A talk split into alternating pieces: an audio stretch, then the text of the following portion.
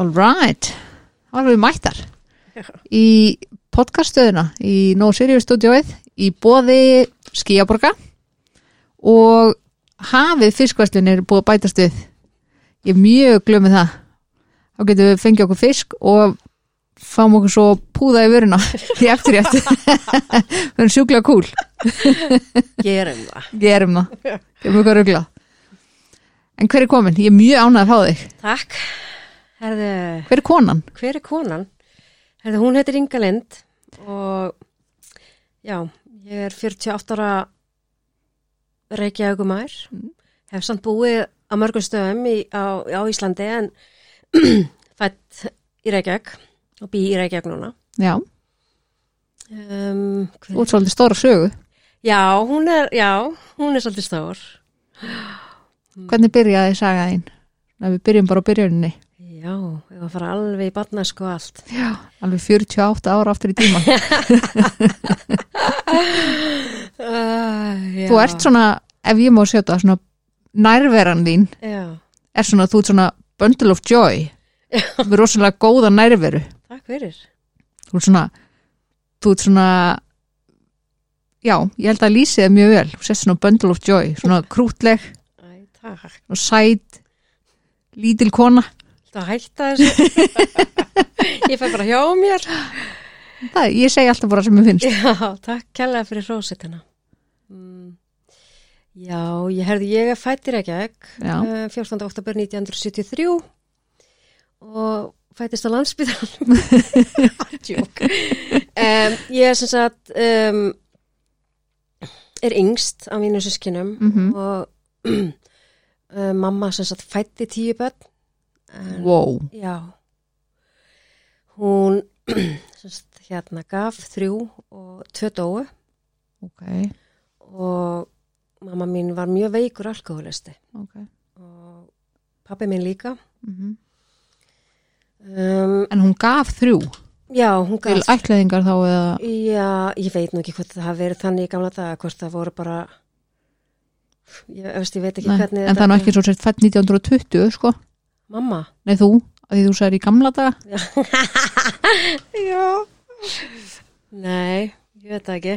nei, en tíu börn eignast tíu börn, það er rosa mikið sko Það er rosalegt. Já.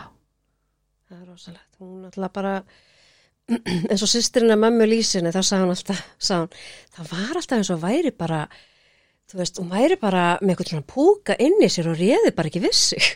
Já, Hún sagði það, en ok.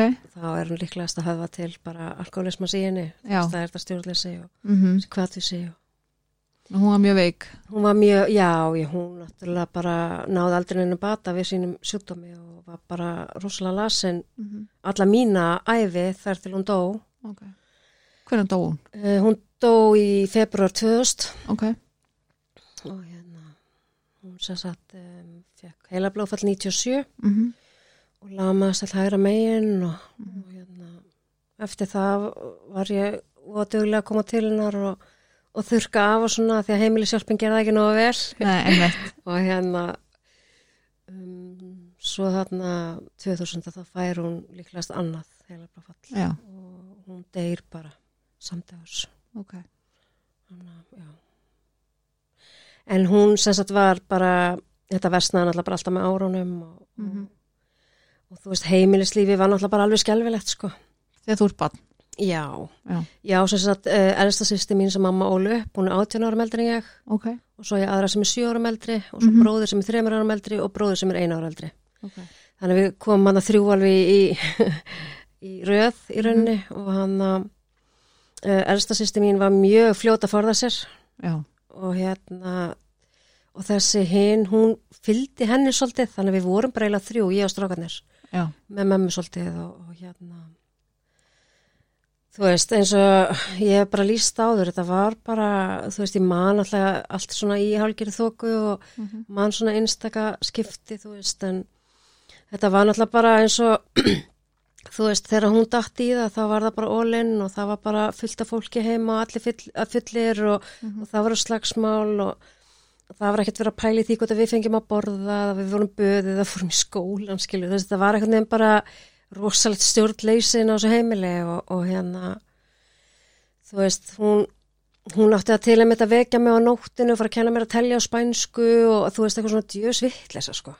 Já, bara meðan hún var í því. Já, bara þegar hún var full og hann og svona, þú veist, sem barn að fá, þú veist, vera vakin upp með eitthvað svona, að þetta var náttúrulega bara í lítið baka, það bara, ja, ég við það alveg, þegar ég fór að vinna í þessum málum og, og fór að tala um þetta, ég fekk pínu svona sjokk, bara, hvað litla ynga hefur þurft að gangi gegnum í rauninni og er Einmitt. bara, þú veist, nokkuð heil í dag, sko. Já, Um, já, hún bara,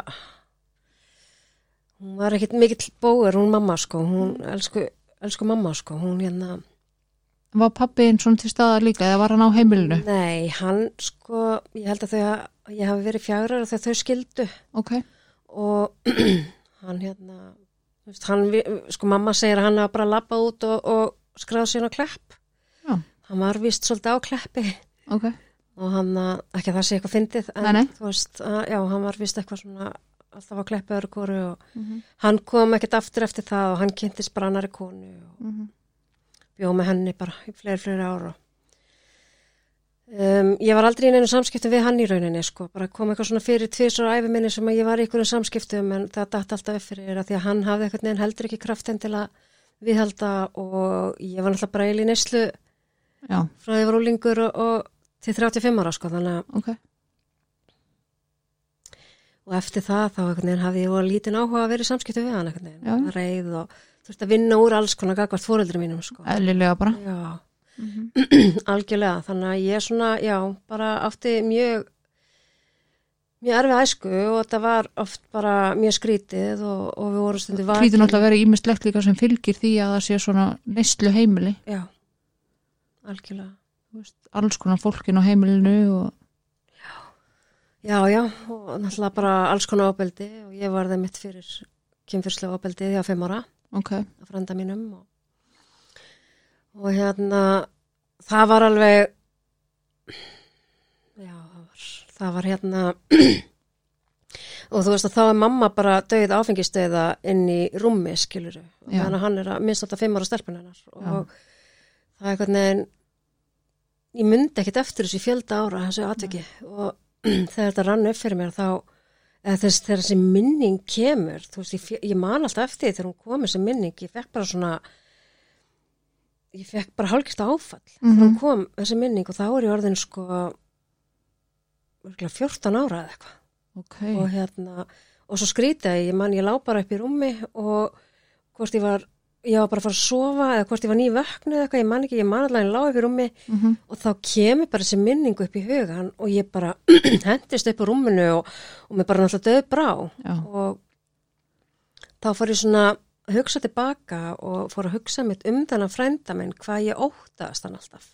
Já, það skildi enginn eða þú veist það var skildi svona undir með þetta já, já, emmitt og eitthvað Ok. tíma þá vildi hann taka mér í svona lautarferð og mamma Mm. bara já, já, já, já og hann fer með mig eitthvað og við settustum á eitthvað teppi í einhverju grasi og ég man alltaf eftir þessu atviki þá þyrmdi eitthvað svona yfir mig. Ég vildi ekki vera með á honum sko. Ok, og baða bara um að kera mig heim og já, þannig að, að þarna alltaf er ég rosa ung þegar þetta er byrjað og þú veist, þetta er alltaf bara ég er rosa brotin eftir þetta Já, og en þarna er sem er svo oft talað um að þarna er kannski búið að vera alls konar fólk inn á heimilinu en það er einhver sem er nákomin sem að misnotar. Algjörlega.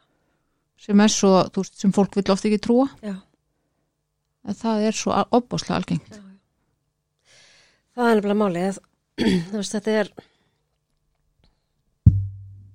já, þetta er rosa þetta er alltaf þannig held ég, mjög oftast þannig. það talaði um í 90 pluss prosent tilbyggja sko, já, 90 eitthvað prosent já, nákvæmlega, já, já, það passa alveg. Ég, meina, ég átti fóstupappa sem misnotaði mig og maður sýsti mín er misnotaði mig þannig að þetta er allt nákvæmur eða allt sem er næst manni.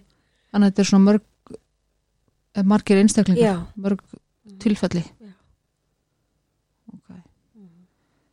það er erfitt fyrir lítið barn. Já og erfitt til að vinna úr. Já. Það uh, búið að taka mig mörg ára og ég er ennþá að vinna úr. Já, já, þú veist, þetta, þú veist, allt þetta þú veist, ég er mjög oft triggerið já, á fréttum og, og, allir þessari umræðu. Allir þessar umræði þá, já, ég þarf oft bara ég þarf oft bara að skæla sko Já, bara- þegar ég finn bara til oft þegar að vera að tala mikið um þetta og svona fæ en það er mjög og- jákvætt samt, Já, og já. getur gert það. Já, það, það það. Jákvætt í öllu þessu. Já, ef maður getur orðað á þannig. Eina jákvæða einmitt, að maður getur losað um tilfinningarnar Já. En mér var svo merkilegt þegar ég var að skoða svona tilbaka, þú veist, að nú er ég búin að vera að vinna rosa mikið í sjálfum mér í mörg ár og Mhm. mér var svo merkilegt þegar ég áttaði mig á því hvað ég er ung þegar ég læri að segja ekki frá. já, ok, Það má, ég vissi þetta var á, já, já, ég vissi þetta einhvern veginn og ég vissi mátti ekki segja frá. já. það þurfti kannski ekki að segja þurfti ekki að segja mér það. nei, vildir ekki bútið vesen? Nei, eða þú veist, þetta er eitthvað bara, þegar maður verður fyrir þessu, þá er þetta einhvern veginn bara, það, sko þessi fylgir skömm. já, og skömmin áttur náttúrulega aldrei að vera mín hemmi, en skömmin var samt mín. Já. og þegar þetta gerast ítrekka í gegnum barnarskuna mína, mm -hmm. sikkurum mönnunum, mhm, að þá hlýtur að vera eitthvað að mér, ég á skammast mín fyrir að vera eins og ég er, því að þú veist, ég er greinlega bjóð upp á þetta skilur já, og ég held það alltaf og ég man líka bara þegar ég drakk í fyrsta skipti mhm, eða annars skipti eða eitthvað, þá man ég bara þú veist þetta var ekki að trubla mig þegar ég var í víminu sko. hvert er gömul þú byrjar að drakka ég var 13 ok, á þeim heilaga aldri. Já, það er einmitt mjög algengt svar. Já, það er mjög algöngt svar hjá einmitt alkoholistum að hafa verið 13 ára þegar ég byrjaði að drekka. þannig að þar náður að deyfa þessar Já. tilfinningar. Já, veist, þarna náði ég eitthvað neginn að sko fyrsta fyllir mitt var nú bara, ég var alveg kolruglu sko, ég drakk eitthvað brennivín og, og ég brustin í sjoppu og ég slóst við eitthvað strák og já, þú veist, svo fór ég heim og ældi út um gluggan á herbygginu mín og drafst í rúminu, skilur já, og daginn eftir, þú veist, það var ekkert eitthvað svo himnaðin hafa opnast eða eitthvað en, en það var ekkert eitthvað svona sjokk hvað hefði gerst eða neitt, Nei. þarna var bara eitthvað en ég byrjuð mhm, í minni nýslu skilju, eða þú Já. veist. Og kannski ekkert skrítið því að fyrir fram að mig frá ég lítil að þá sko kunni enginn að fara með áfengi kring mhm, og ég lærði bara strax að þegar þú drekkur hennar vökva þá verður þú kolrugglaður mhm, og þú veist, pissar á þig, slæst misnóta mig. Um, stundum er gaman og stundum er hræðilegt. Mhm, Þannig að ég vissi ekki til ég fór að nota áfengi að það var hægt að nota okkur annan hátt. Nei, það var ekki verið að fá sér rauðvinsglas með matnum. Nei, nei, þú veist, þetta er ekkert, eða svona bara tvö land, eh, tvö, e, halva lítur að landa eða eitthvað skilur, veist, já. þetta var alltaf eitthvað nefn bara, þú veist, ég drakk mig alltaf bara, ég vildi alltaf vera í óminnisástandi, sko. já, já, bara slökk á heilanum algjörlega. Og, og það var rosa mikill flótti, sko. Mér varst- mér varst best að vera þar eitthvað nefn. Og, þannig að þegar þú ert búin að gera þetta í fyrsta annarskiptið eða hvað, hvað sem það var að þá þrátt fyrir það að vera einmitt koma á ælútum gluggan og allt þetta sem hljómar ekki eins og geggja partí að þá vildur þú samt gera þetta aftur og bara Já. sem fyrst.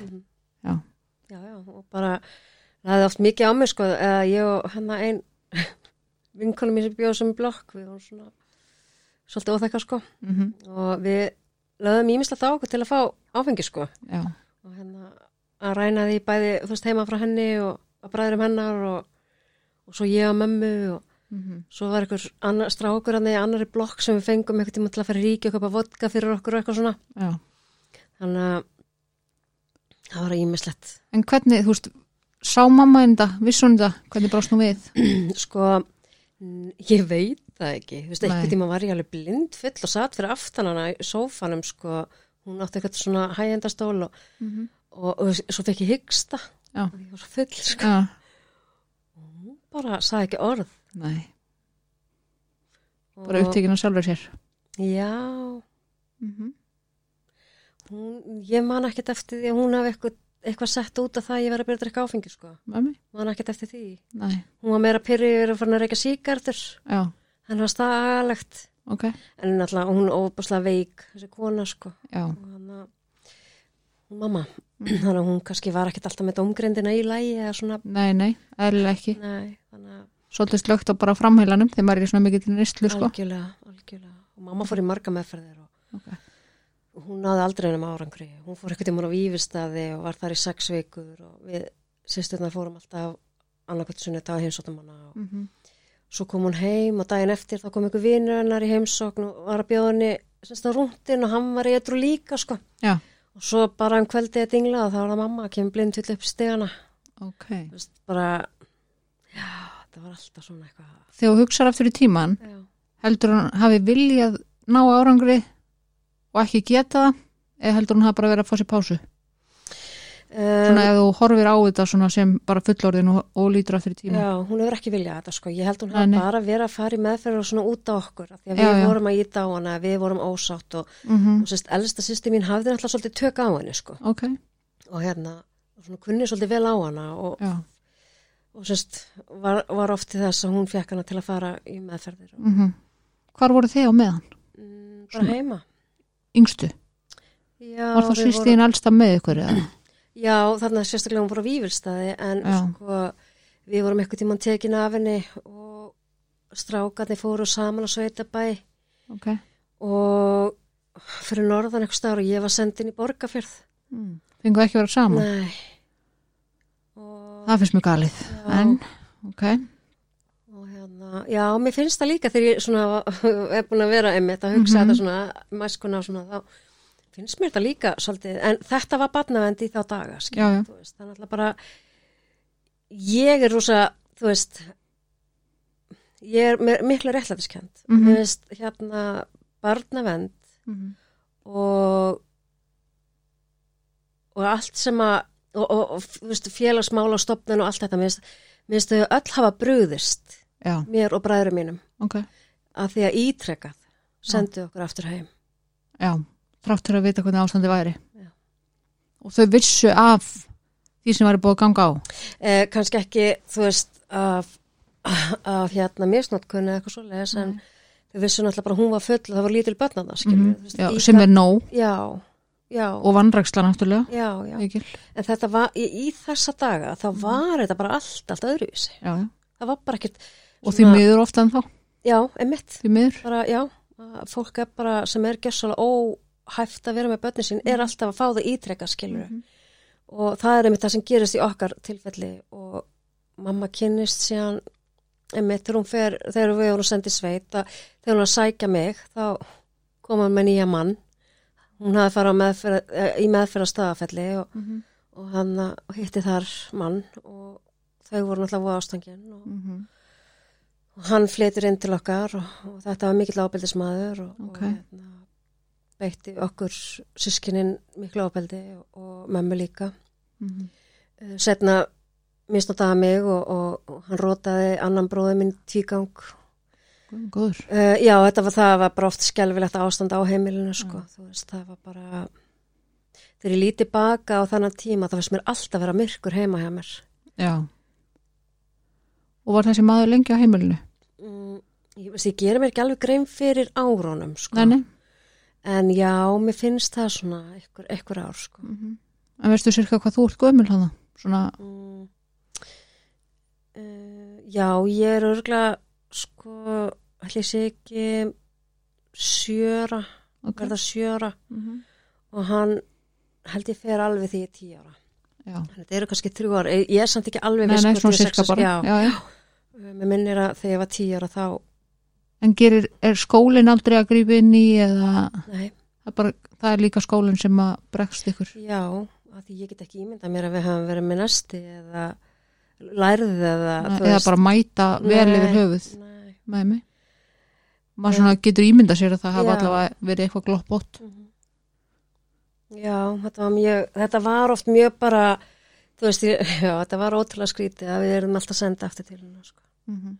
Og einu sinni var ég tekin af henni og þá var ég senda kópaskert til sýstu minnar, hún bjóð þar og maðurinn hennar. Og, hann, Ok. og það er eitthvað neginn, uh, fekk ég svolítið að vera, mm, ég veit ekki hvað ég hafa verið batni, að þú veist, ég er eitthvað tíu ára hana, en Mhm. þú veist, það var svo mikið svona, við vorum svo mörg börnin og svipum aldrei á árinu yngri og svona og Ok. okay. og svo mikið að leika okkur saman að hérna, þú veist, við vorum alltaf bara úti frá mótni til kvölds og, og Þau upplifa að vera bara krakki. já, var í skátunum og frjálsýtrótum og þú veist, fór að vinna í, í hérna sláturhúsinu og Mm. æskilu, þetta var, þú veist kópasker það fyrir mér var bara svo borg, skilu Já, já.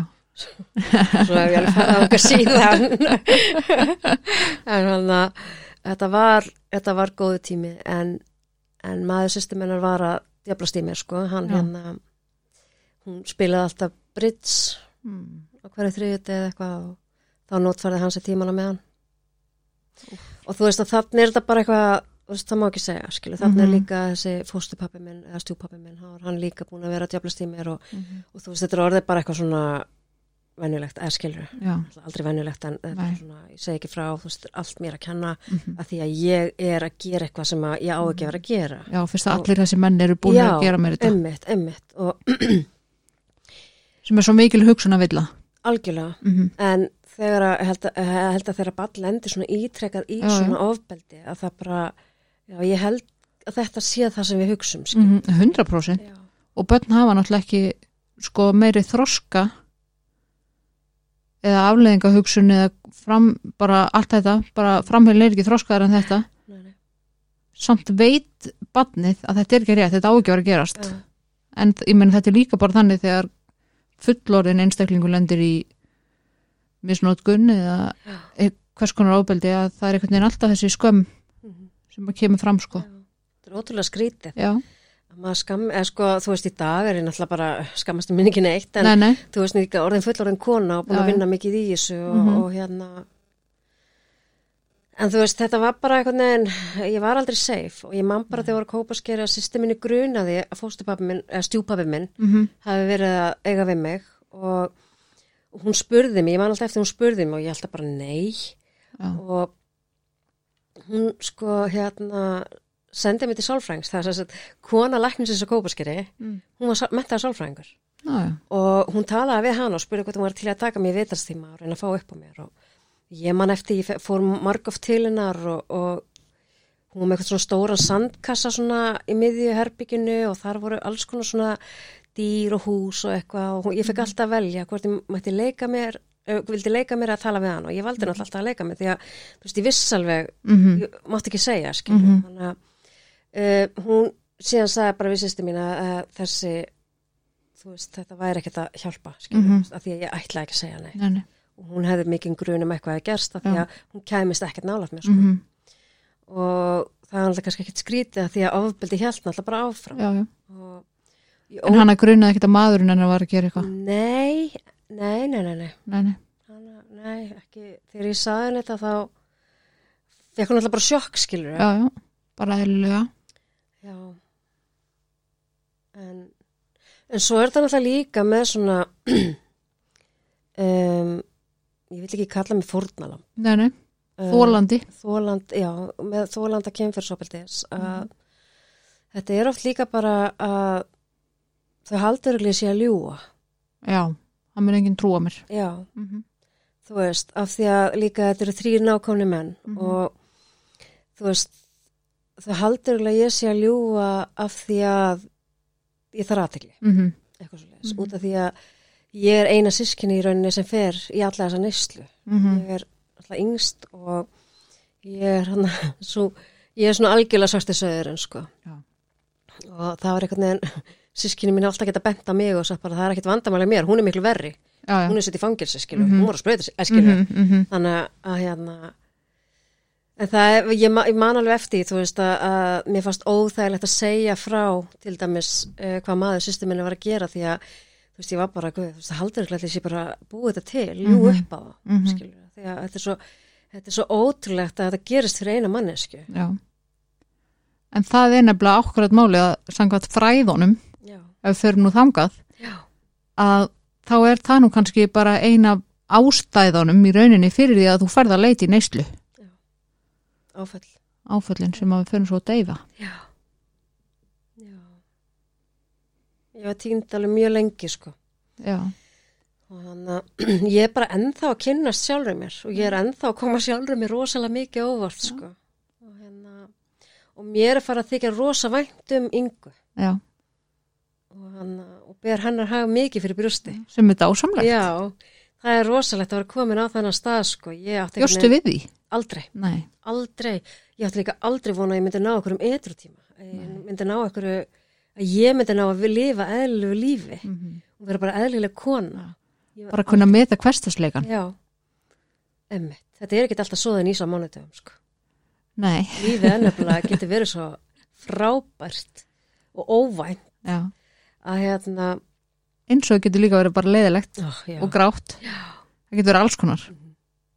Ég er bara hann svo mikið poljana núna bara síðustu tvö ára eitthvað, veist, ég er alltaf bara, já, já, maður verður alltaf að sjá byrtuna í, í, í myrkrinu og það þarf alltaf að vera með gulrót og ég er alltaf þannig, þarf sem er náttúrulega bara geggja Já, að því að sko ég er grind með mikið þunglindi, mikið alvarlegt þunglindi og Mhm. hérna og uh, þegar ég hef farið í þunglindiskast þá hefur náttúrulega bara allt verið svart sko. Mhm. og ég hef hugsað um að svifta með lífi og blá etru sko. Já, og hérna, Mig langar að rósa þið fyrir að segja það bara upphátt. Já, af því að það er bara mjög margir sem að skamma sín fyrir svona hugsanir. Já, já, emmitt. en það eru bara svo ofbáslega algengar. Já, það er ekkert að skamma sér fyrir þegar að fólk er haldið svona miklu þunglindi mm og þegar það fer svona langt niður, þegar maður fær svona langt niður þá það er einhvern veginn ekkert það er ekkert sem að þetta er svo skrítin staður að vera á að því það er einhvern veginn enginn sem getur hýft þig upp nema þú sjálf -hmm. og þú veist, yfirleitt er þetta bara einhvern veginn svona svo eitt að, sko, þú ert bara búin að vera í algjörum myrkri og einmitt í slæmum hugsunum og í sjálfsveits hugsunum og, og svo vaknar einn daginn og það ferðir, er, er þið fara að líða eins betur, mm skilju, þetta er alveg ótrúlegt, sko. það er það sko og það er orðið úrælt að segja þú verður bara að fara út að lappa. Þú veist þetta er einhvern veginn sko, þetta er bara aðeins meira og dýbra en það. Algjörlega. Ég hef verið að livjum við þessu þunglindi og þú veist, ég hef samt verið að taka rosa dýfur og þá var ég kannski ekki alveg nógu uh, heiðaleg með líðanina mína, nei, þú veist, og hérna að ég ætla ekki að vera með eitthvað viss en þú veist, þetta, ég ætla ekki að vera að tala um þetta, þetta skiptir ekki máli og allt þetta. Mhm. en auðvitað skiptir þetta máli að því að þú veist, í dag að þá hef ég náð svo rosalega langt í sjálfsvinnu með hjálp þessara livja já, þú veist, með, með hjálp hérna, þunglindislifja því að ég einhvern veginn orðin fær að takast á þessu margt. Ég menn þú er búin að að gangi í gegnum mjög margt Já, og mér er bara ekkit skrítið að þú þurfir að fá aðstofi að vinna úr þessu öllu? Nei, alls ekki. Bara alls ekki? Ég fann um eitt svo frábæran sálfræng Já. og fór í svona EMDR meðferð. Já, og hérna við hérna fórum í gegnum við eigum mikið eftir, mikla vinnu eftir en Já, við fórum í gegnum mörg alvarleg mál og, og hérna og það var líka eitt af því sem bjargaði bara lífið mínu. Já, það lítur að vera erfið vinna. Algjörlega, það, veist, e- ég var bara í eitt ár var ég bara í svo miklu sveiflum. Ég var bara svo tarsan já, ég trúi því. Alltaf sveiflast eitthvað, hinga og hanga en hann að þú veist, ég, mér leið oft alveg emmitt hræðilega Mhm. sko. Og að það er emmitt í einu svona niður rifinu, semst ég, ég er að leiðinni hratt nýri þunglindi eftir að hafa verið að vinna í einhverju máli að ég ringi í sálfræðingin minn ok, og segi bara, þú veist, ég, bara ég verð að fá hjálp, veist, ég ætla bara, mér langar bara að deyja. Já. og þá sagði hann sko, annarkvort ringir í, í læknir þeirra morgun mm og fær þunglitislif eða ég kem og sæki ég núna og fer með upp á getelt. já, Sálfræðingurinn minn, Ná, ok, þetta er alveg sálfræðingur. Hún er æðisleg sko. Og, hana, og ég sagði, ok, ég skal ringi læknir minn á morgun. Og þá byrjar einhvern veginn boltin að rúla Mhm. og, og hérna og það hefur einhvern veginn gefið mér já, ég veit lí- þetta lífs þessa lífsgleða einhvern veginn. Já, kátt með lífi sko, ég veit ekki sinni hver ég, þú veist hvað konu er að tala um en, en þetta, ég er svona rosalega leit blúmer já, það. bara þú veist, mér finnst magnað þú veist, það er bara þannig að þegar maður hefur gengið, eða eins og þú þú hefur gengið í gegnum ótrúlega hluti að bara fyrstalega standa í fæðina sko. og vera bara, þú veist, brosandi út af eyrum skilur vera tilbúin að deila sögun sinni. Þannig að aðrir geti mögulega lært af henni eða þú veist eða bara hlusta á hana og, og hugsa bara, veist um, ég hefða bara helviti fínt sko. Skilur að það finnst mér svo aðdánavert og það er bara þannig.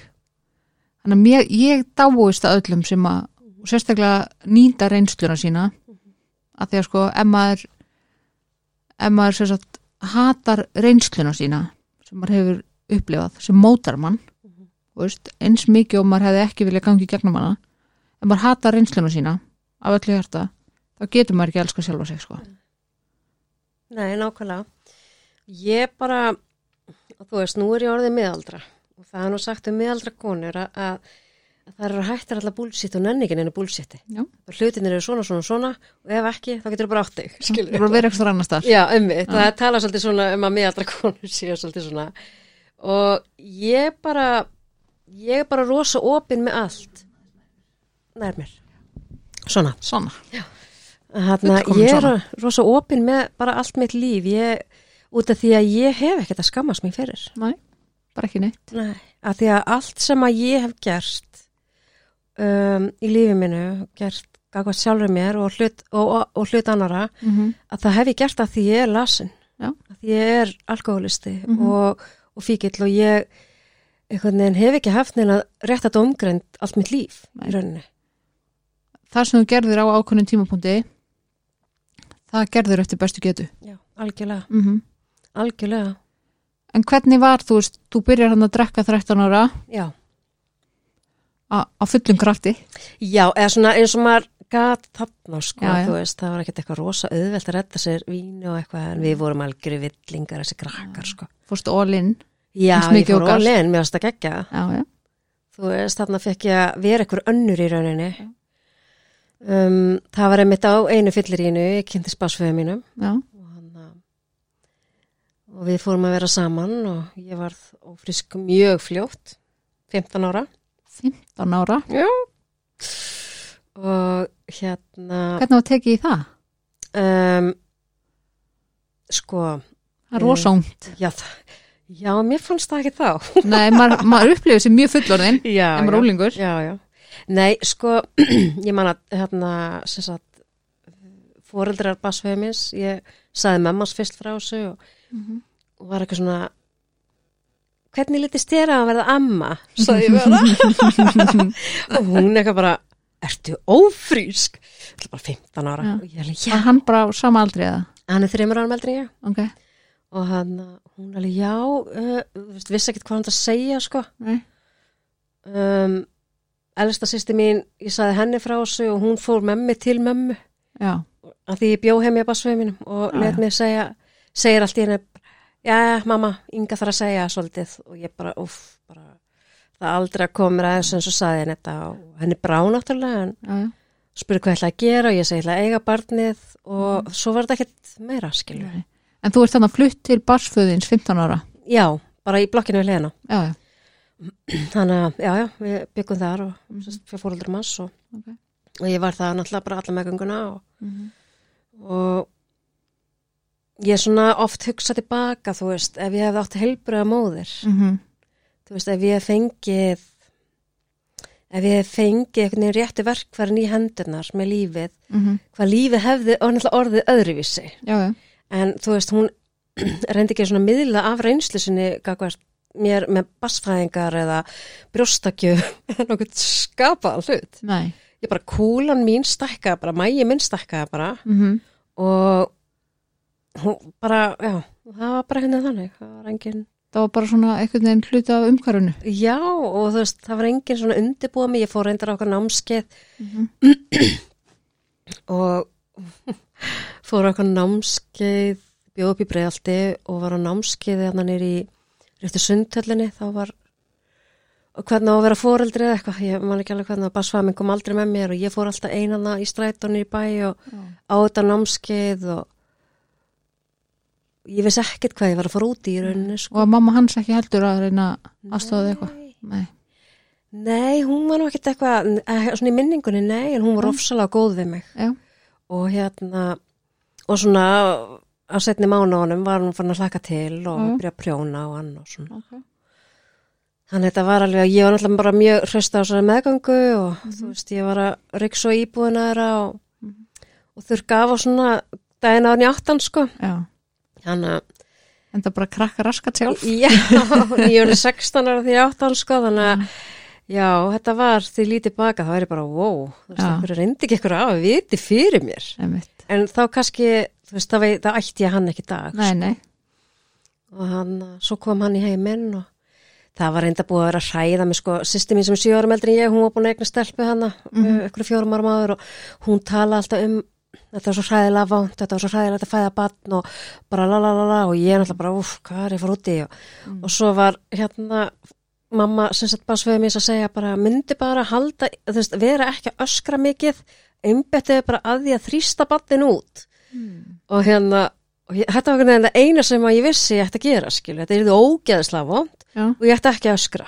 Já, já. og mér fannst þetta ekkert eitthvað ógeðslega vond, þetta var ekki þægilegt en. Og ég þurfti einhvern veginn ekkert að öskra. Nei. þetta gekk mjög rætt og þetta gekk ágætlega fyrir sig sko. Ok. og hérna hann var alltaf mjög stór strákurinn minn þegar hann fættist Ok, og þannig að ég var svona einhverju fylgi kveldur eftir það en þú veist ekkert eitthvað.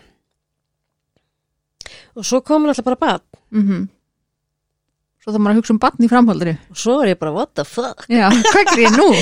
Jú, ég var bara, ég man alltaf að hann setti svona magan að mér og ég leita á hann og hann lifti sér svona upp og leita á mig og ég var bara shit, þú veist. Já, af því að ég held ég hafa bara enga veginn gert mig grein fyrir náttúrulega ábyrðinni nei, nei, ég gerði mér ekkert grein fyrir. Nei, nei. og bara að þarna væri komin einstaklingur inn í líf mitt sem ég þyrfti bara alltaf að hlúa að skilur um, ég man bara, þú veist, ég var upp á spítala í fjóra daga og það var þú veist, þannig hérna já, á þessum árum og, og hérna og ég man, ég kunni ekki neitt ég skipti ekki á honum, þú veist, ég bara rétt hafa hann á brjósti, þú veist, ég kunni ekki neitt og það var einhvern veginn enginn til að leiðbeina mér. Nei, ok. Þær voru ekkert, þess að ljósmaðurna voru ekkert eitthvað ynga mín, hérna viltu ekki fara að skipta á honum? og Nei, þú veist, veginn gati ekki neitt sko. ég er alltaf bara döð þreytt þessa daga og, Mhm, en svo komum við með hann heim og, og hann var alveg mjög indislegt lítið barn og, og, mhm.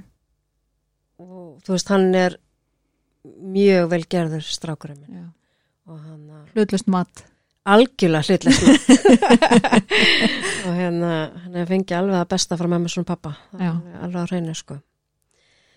En síðan bara þessast basfamin er líka alkoholisti Ok. og hann var að fá sér hana á þessum tíma og, Mhm, og var bara mér hreinskilið við mig og sagði bara ég vil djamma mhm, og djúsa. Mhm, og ég vill ekki vera þessi fjölskyldifæður Mhm. ég vill ekki vera kærastæðin. Já.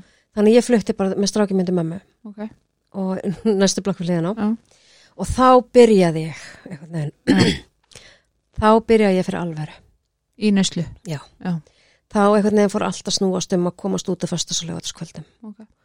Og svo snýrist það bara þú veist, einhvern veginn að ég var að koma heim að lögataskmótnum svo Mhm, sundasmótnum mhm.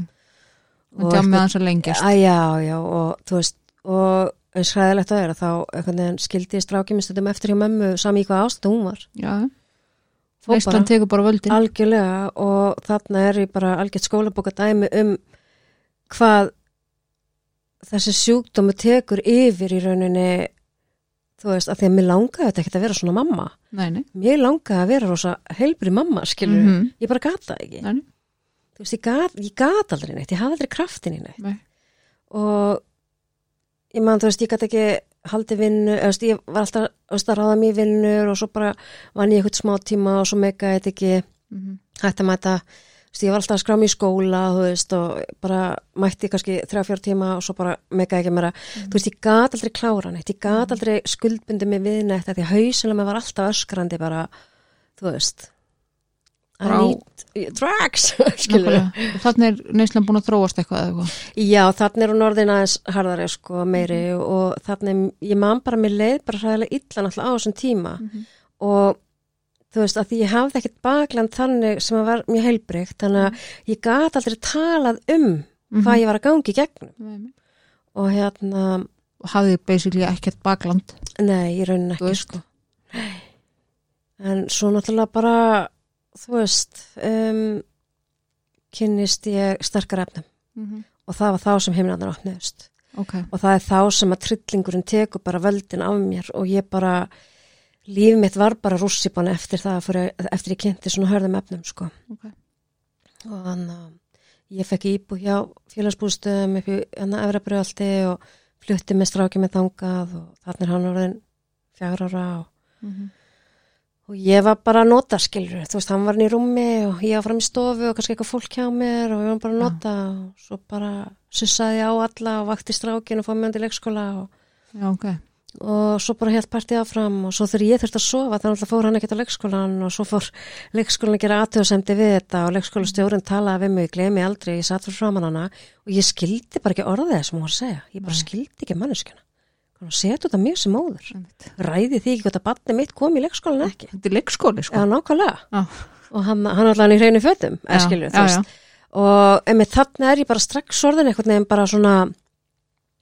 bara get ekki axlanin nei. get ekki, þú veist það, ég manna félags hennar, hvað hétt þetta, félagsmálastofnun hún, hún skrif, eða prenta oft út eitthvað svona ávísanir.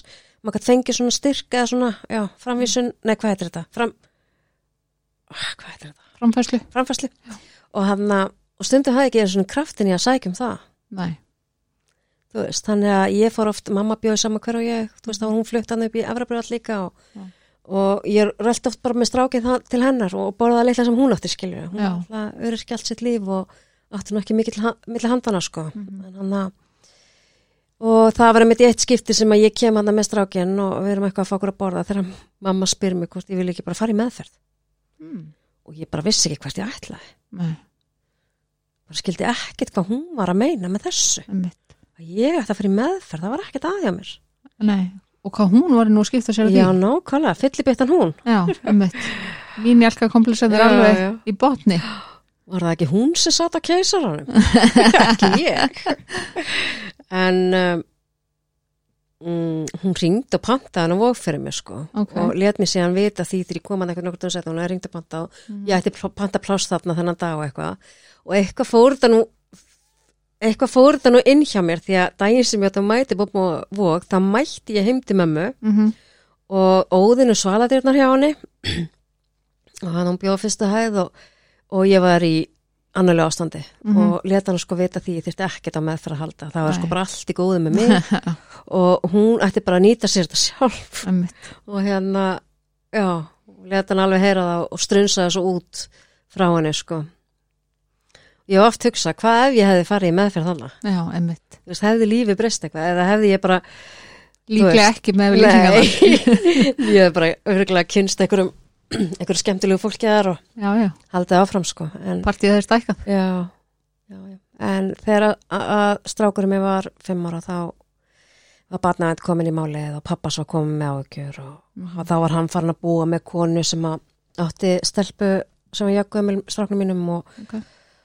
Og bass var minn alltaf í vinnu og hún var í vinnu og svona vennlegt heimilislíf hjá þeim Mhm. og, og ég, mér var bara stilt yfir vegg sko. Ok, Þannig að ég sagði bara ok, takkið hann bara. Og ég gleymi aldrei kvöldinu sem hann fór til pappa sinns, ég man við áttum sama herbergi og ég man ég horfði á rúmið hans og, og ég man bara, þú veist, ég mun aldrei gleymi þessari tilfinningu og þú veist, ég var svona af hverju er ég svona?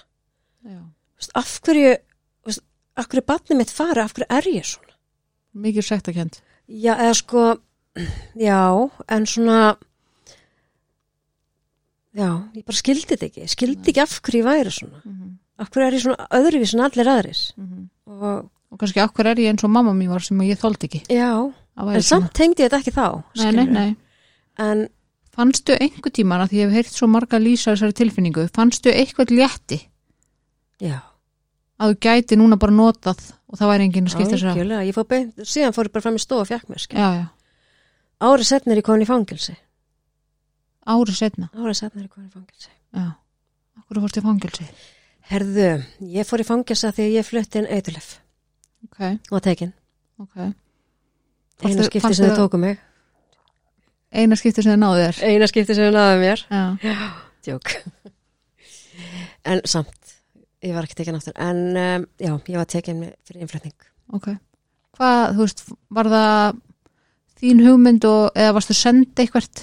Nei, sko, þetta er náttúrulega alveg fáralegt aðtrið. Ég sem sagt átti kærasta Já. og hann er ekki fíkill Mm. og hann hérna hafði átt mótuhjól og klest, eða sérst, gerðist eitthvað fyrir þetta mótuhjól, hann fekk greitt út, átti fullt af peningum. Mm -hmm.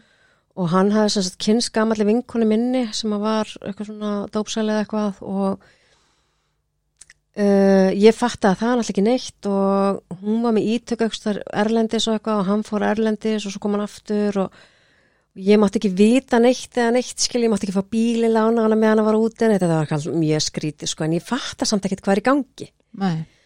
og síðan fara hann að renna með tvær grímur sko, eitthvað samskiptin þeirra á milli og ég geng á hann og spyr hvort að þau sé eitthvað hittast þá svo nei. Að hann hefði farið erlendislega sækja. Ah. og ég bara ha? Og einhvern veginn verður úr að ég fer. Mm um, hann hafði átt fyrirvændi kærustu þarna og mánu áður en ég fór út með honum þá hafði hann farið með þessa fyrirvændi kærustu út líka. Hmm. og ætlaði að sækja þetta efni en það var ekki tilbúið þannig að þetta var svona hálfgeir fíluferð fyrir hann Ok. og ég kemst að því alveg að fáralegan hátt að hún hefði verið með honum aðna og hann alltaf trillist og aðbrið sem ég Já, já. og hérna og segi bara, þú veist, að ég vil ég fara ef hann ætlar að fara á eitthvað Mhm. og það verður úr Mhm.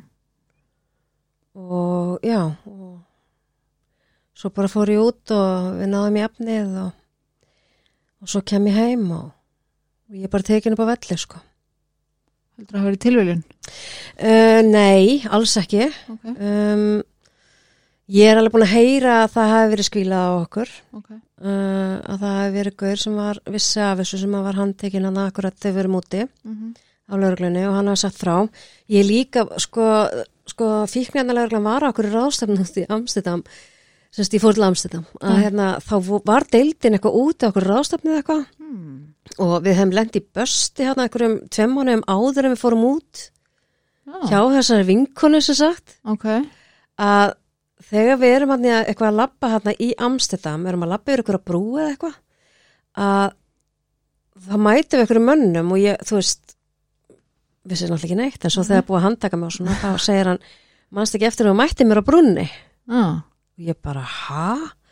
Hann bara, já, við vorum að núti og þeir voru með mér náttúrulega í vélinni alveg heim Mm. og ég náttúrulega sko var með amfetaminni teipað um mittið á mér og Ok. það var rosa sterk líkt að sko, vorum bara samt búin að setja í fylta sælufannu og eitthvað, það var rosa sterk líkt, en ég þorði ekki að fara á jakkanum sko. Já. og ég borðaði ekkert að drakka ekkert alla leiðina sko, þannig Nei, að þeir voru pottit að fylgjast með mig líka, Já, já. myndi eftir mér og já. svo er ég bara handtekinn hana. Hvernig var tilfinningin? Þegar þú varst svona tekin til hliðar? Varstu strax bara fuck, þetta er búið? Nei, já, eða, þú veist, nei, sko, ég einhvern veginn vissi innsteinni ég kæmist aldrei upp með þetta, þetta var svo skrítið Já. ég vissi alveg ég var ekki að fara að fara með þetta inn í landi eitthvað, sko, þetta var bara í undir með undan Kom aldrei til greina bara að beila? Nei, Nei. en ég einhvern veginn vissi að þetta veist, að það er miklu meira líkur að þeir eru tekin heldur en komast með þetta í gegn sko, þannig að um, ég get bara líst sjálfur með þannig ég er eins og ég sé bara alltaf tilfinningalauð sko. Já. Að ég bregst, sko ég bregst ekki við neinu nema alltaf í einhverjum ofsatilfinningum hann í gamla dag, þú veist, þá, Mm þú veist ef eitthvað er fyndið þá springi og hlátri og brjáli læti mér eða ef Já. ég var reið þá var ég alveg brjáluð og, Já. og þú veist ef ég er, þú veist já hamingjusum, það eru ofsalega hamingjusum og það er allir að vera það skilu, veist, bara, já, það er engin stjórn á neinu, það er allt svo stjórnlöst sko, Allt bara svart hvít. Já, já, emitt, emitt þannig að já, já, svo bara var ég hana ég meira þess að var send í gæsluvarhald í síðumálafangilsi Já. sett í karrikulan joggingala og það var alveg ótrúlegt sko En hvernig var samt tilfinningin bara, herru, ég er bara leðin í fangelsi? Uh, ég man bara daginn sem ég var dæmt ég fekk dóminn sko, ég man að þá gerist eitthvað innra með mér sko þegar ég átta mig á því að ég þarf að borga fyrir þetta sko Já. Uh, ég átti náttúrulega, sko, löffræðingur minn sagði að ég fengi aldrei meira sex mánu Já. og hérna en ég fekk gott betur en það og það var svona mesta sjokkið eitthvað neginn Hvað fyrstu langan Ég dóm? fekk 20 mánu Ok. og það var náttúrulega rosa mikið sjokk við fengum bæði 20 mánu, hann var náttúrulega með mér úti sko, Já, já. Já, þau fengu bæði dóm fyrir Já. þetta. Fengum bæði tók Var hann líka með efna á sér? Nei. En að þið voru saman?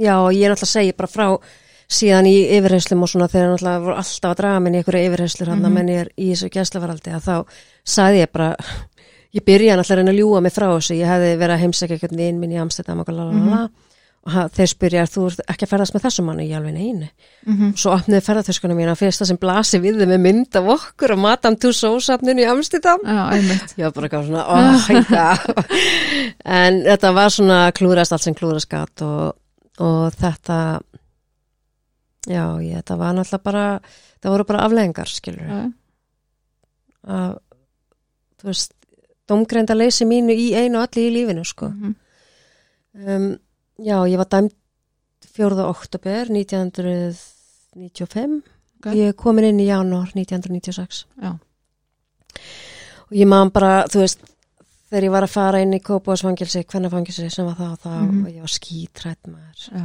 ég ætla aldrei að þóra niður í matsal og þetta var alveg þetta var, já, þetta var mjög töff sko og hvernig var að vera að inni? Varst í neysla með varst inni? nei, ég var reyður allir mann ok, þarna inni kynnist ég tólsporsamtökum ok, og sem sagt, það var nú ekki mikið um að vera þarna þannig að ég ákvað Nei. að fara að kíkja á þess að fundi sko Já. og, hana, og þar gerist eitthvað ok þarna á þessum fundum þá gerist eitthvað vegna þess að þarna fyrst tengi ég við aðra manneski lífi mínu eitthvað sem var miðaldra kallmaður sem átti þú veist uh, hús í hérna fósfóinum, átti fylgta börnum, átti fyrirtæki og hann var búin að vera í þessum sam, uh, tólspóra samtökum mjög lengi. Mhm, og hérna og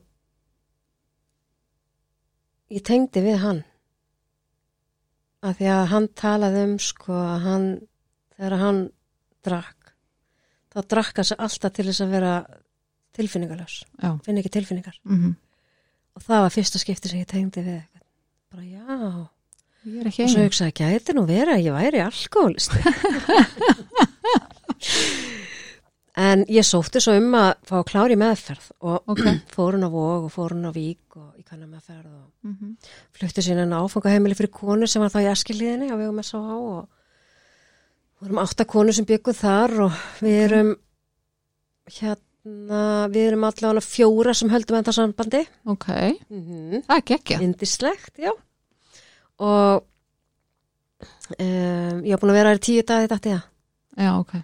Og ég fekk séns að fara aftur Vog og láta hana mér og mhm, koma ú- aftur í húsið og mhm, svo bara var ég farin dottin í það ég einhvern veginn gat aldrei verið etrunum ég væri metastofnun eða bara Mhm. í meðferskilur Mhm. þú veist það er bara heldur að sé að þú varst ekki að vinna neitt í þér eða takast á við neitt já, Já. sko þarna mm, í sko þarna var ekkert byrjuð neinn svona almennileg sjálfsvinna í þessum tólsporsamtökum Nei, þannig að þú veist þetta var svona aðalega að sita kannski bara spjalla um daginn og veginn og mhm, og svona er engin, engin svona sjálfskoðun sko. nei, Þannig að já, ég fann mig ekki þarna sko. Ég, ég var bara að fara eitthvað til að finna mér eitthvað kærasta og, Mhm, og bylla og bladra eitthvað sko. Ég var ekki að taka neina ábyrð á lífi mínu og þarna er soni minn alltaf orðin sex ára og svo sjö ára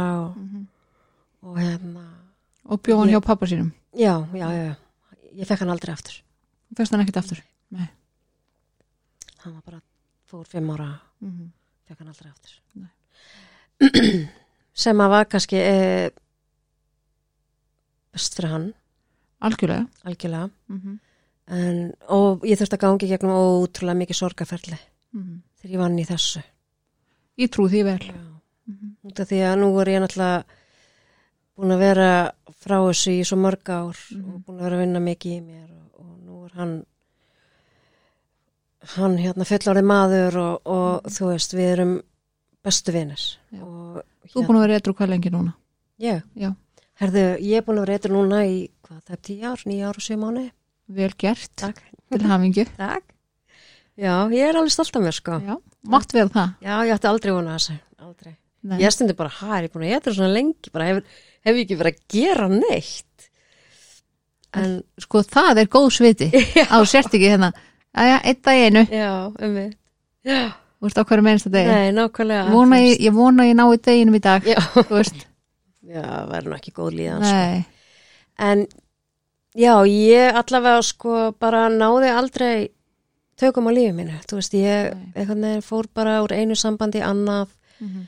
um, misgóð sambönd, Mhm. yfirleitt bara mjög hræðileg, en já, og svo er það bara, já, ég þú veist, var að reyna að vinna eitthvað og þú veist, ég gata ekki tekin eina einustu ábyrð og, og þú veist, eitthvað tíma bjó ég bara yðnaðar húsnaði og var bara að sprauta mig og þú veist, fannst það bara geðvægt fínt, bara fyllt, bara fyllt að dekkjum hann inni og eitthvað bara, þú veist, þetta var náttúrulega bara yðnaðar húsnaði, sko. og því fannst það bara fín Og mér, þetta var bara heimili mitt. Já, og þegar ég lítið baka, þú veist, það bara það var svona gluggar efst upp einhvern veginn og það kom aldrei neinn dagspyrta í rauninni inn, sko, það var alltaf myrkur að inni og, og það bara lýsir rosa miklu staðnum sem að ég var á akkurat á þessu tímabili í lífi mínu, því Mhm. þannig er ég komin bara ótrúlega langt og ég átti örgulega ekki mikið eftir þarna, sko. Nei, ég er bara fyrir einhverja guðslöku að þá hérna var ég sem sagt uh, þannig er ég fluttur úr þessu yðnarhúsna og ég flutt inn í einhverja kjallara íbúð eða sérst íbúð þarna eitthvað starf og ég man bara að ég er búin að vera á einhverju nokkur daga túr að ég fer heim til að fyrir styrtu Mm. og skiptum föt og svona og það var akkurat bankað hjá mér og ég var bara eitthvað hvað, og var náttúrulega mjög var alveg í annarlega ástandi sko. Mm og opna hurðina þá stendur fyrir fram að mig vinnu minn og segi bara býtu hvað er þetta búin að vera? Ok. Og ég alveg, ha, ég bara hann sagði, þú ætlar að koma mýrsfund með mér í kvöld. Miðilsfund já. já, og ég alveg, ha, hann bara já með mér og mömmu. Hann bara mannst ekki að tala við mig. Það var náttúrulega bara ykkur ruggli, skilju Já, ef ég bara verið, já, ég skal koma með þér og, og sækir mig ekki bara á. Já. og hérna, svo hafði hann komið fyrir og hann ætlaði að sækja mig og ég Já. ekki heima og svo kemur hann aftur til að tjekka mér og, Já. Og hann bara herði vinkona, er þetta ekki bara orðið ágætt hjá þér sko? Hann bara, það er ekki sjón að sjá þig sko. Ótrúlega grönn og illa farin alltaf bara Mhm. sko en þú veist, hann sagði, herðu þú ringir að voga morgun, þú pantaðir í meðferð þetta er ekki hægt, bara, Mhm. þú verður líka að hugsa um drengiðinn og, og ég alveg, jari, jari, jari og, en það var eitthvað Mm. og hann gista sófanum hjá mér þessi vinnur minn í þrjá daga og ég tók hann út eitthvað brjáli frá hver og, og svo kerða mér bara på vók já, vel gert. Þetta er alveg vinnur já, já, og skildi mér bara eftir þar og, og svo fór ég inn á vík aftur. Vist, ég man ekki svona hvað árið er sko. Nei, ég er að missi úr hann eitthvað tvö ár. Ég var náttúrulega alveg á okkur rosalegu svingi hann í tvö ár. Mm. hann er man og sko blítið sko. Ég man eftir einum stað sem ég bjó á. Ok. Um, sem segir rosalega mikið um ástandið. Já. Já, það er bara þannig. Já. Ég held að ég myndi aldrei geta farið á verri stað en þarna sko. En ég gata setna þá sko þú veist þegar að ég er yngri þá er ég að nota og það er stundum gaman skilur, mm Mhm. var að fara í bæ með einhverjum vinahóp og, og hafa gaman og allt þetta. Það var stundum djam. Það var stundum veist, það djam var stundum- og gaman já. já. En síðan fór þetta bara að vera svo mikil þjáning. Já, því þurfti þetta svo. Mm og þú veist það sló mig svo þegar ég áttaði mig á því að ég var tilbúin til að gera hvað sem er Mhm. til að redda mér efnum. Já, þú veist, þá var ég bara fokkar, ég bara orðin þessi skilur Já. og svo bara, að mér er alveg sama, ég verð bara að redda mér mm mm og hann að ég átti mjög oft kærasta sem voru emitt dópsalar, það var alltaf mjög hendugt og hérna þú veist, þetta var náttúrulega bara eins og ég segi, þú veist, að þannig tvö ár sem ég mani ekki neitt og svo endaði þetta í meðferð og svo er ég náður þá einhvern tíman einhvern svona tíma eftir þetta? Nei, nei, nei, nei, svo náttúrulega svo mikið sjálfsblekking sko í mínum sjúkdóm að ég fer að nota bara örfandi efni af því að ég er svo reið með áfengi. Já, já, bara skipst út. Já, já, og það er alveg hægt að drekka áfengi sko, Mhm. nota bara hitt af því að ég verður svo rosalega reið með áfengi. Og hérna Það er og þú náttúrulega bara mjög sjálfsblekk, já, Já, ég já. veit að hún er svo mikil sjálfsblekkingin sko. Og hérna en síðan alltaf bara heldur þetta áfram og svo fekk ég vinn á hóteli og, og var að þjóna og svo fínt að því ég gæti verið stundur verið í því já, já. að fá mér í vinnunni. Mm og svo ég látið að segja um barinn á svo hóteli það var alltaf bara að drauma að djótti komið og, en og vann þarna alveg ár og kynnist þarna manni akkurat þegar ég er að vinna hana og hann var bara svona draumaprinsið minn, hann átti íbúð og hann átti jeppa, hann var bara að menta sig og, og hann var eitthulega sali og. Og halgi draumur í dós og ég flyt náttúrulega bara inn til hans Sikkaði og, öll bóks þessi Já, alveg draumaprinsess, sko, algjörlega og, hérna. og þarna byrja bara, þú veist, þarna byrja ég að verða opaslega veik bara af nýslu, ég fer mikið í geðrof. Uh, ég var með það var, þú veist, ég vakti mjög lengi. Um, þú veist, ég var mjög næringalös og vökvalös ég átti bara ég átti ofupaslega lítið eftir þannig að þegar ég var fyrst eftir 2009 þá var ég komið svona hvítan dún um allan líkamann og ég er hann ofupaslega grönn svona eins og fólk sem er með anröks Já. og svona með já, og ég man eftir því að þessi semst, kærast þessi samblísmál, hann var alltaf að reyna að fá mig til að borða eitthvað og drekka eitthvað Mhm. og ég bara, bara gati þetta ekki og, og þetta er náttúrulega bara, þú veist, orðið svolítið svona að loka steg, skilur, þú Já, veist, já. af, af minni nýslu, þú veist, þannig, ég Mhm. bara ég gati ekki meir, en og svolítið bara búin að gefast upp Þannig. já, algjör, sko, þarna er ég bara búin að gefast upp fyrir að vera þessi kona, bara þetta er bara það sem að mér var ætla að hugsa í mi- í minni dramatísku hugsunum hvernig lífið mitt væri. Já, já, en, en sko, þú veist, já, þarna er ég bara búin að gefast upp. Já. og þarna er engin hugsun um að verða edrú, fara í meðferð, gera eitthvað í mínum málum, Nei. það er ekki neitt. Mig. þú veist, og hérna ég veit ekki hvað gerist en allavega, sko, við lendum í ykkur rifrildi, ég og þessi strákur eða maður og, og við endum í slagsmálum og ég skall með höfuð svona í gólfi í flísanar og ég vankaði, sko. Mhm. og þegar ég ranka við mér þá sé ég bara andlit á honum á skítrættur. Mhm. og heldur svona, þú veist, og bara alltaf lagi, alltaf lagi? Og bara fyrsta hugsun sem kemur upp í höfuð á mér er, nú er ég hætt. Já, og ég varði eitthvað, já, ég þurfti ekki að nota nei. Það var ótrúlegt, ég var í bílum frá hverjum fyrst til að byrja með. Mhm. og eðlilega, eðlilega, já. Og hérna, og rosalega lasin alltaf bara. Já, já, og hérna fóð náttúrulega strax í það að hafa samband við stráki minn og nú var ég Mhm. sko orðin etru og ralla, ralla, ralla bjóðunum í kjötsúpu og allt þetta og hann var ekkit rosalega hrifin af mömmu sinni sko. Nei. Og hérna mjög brendur já, Já. reyður Mhm. Hann hataði mig bara Já. en hann, við eigum alltaf móður og sonur, við eigum alltaf þessa tengingu og hann kom alveg í mat og svona en Leifður honum að vera reyðan, reyður eða, eða varstu að íta á hann hann? síndi það ekki rosa mikið, hann hefur sagt mér að setna hann Já. bara, þú veist en Mhm. hann reyndi þú veist, ég var ekkert að spyrja hann skilu þarna er alltaf enda bara kolruglu, þú veist Já, já, en síðan var æsku vinkona mín sem sagt, hún var svo ána með að ég væri hægt að nota. Og hún segja mér að, að það sé gömul vinkon okkar í hérna tólspórsamtökum, hvort ég myndi vilja kíkja með henni. Mm. og hún væri að sérst, hjálpa ykkur konum og lesa ykkur bók og hvort ég vildi ekki bara drífa mig það. Ok. Og ég alveg, jú, jú, þú veist jú, jú.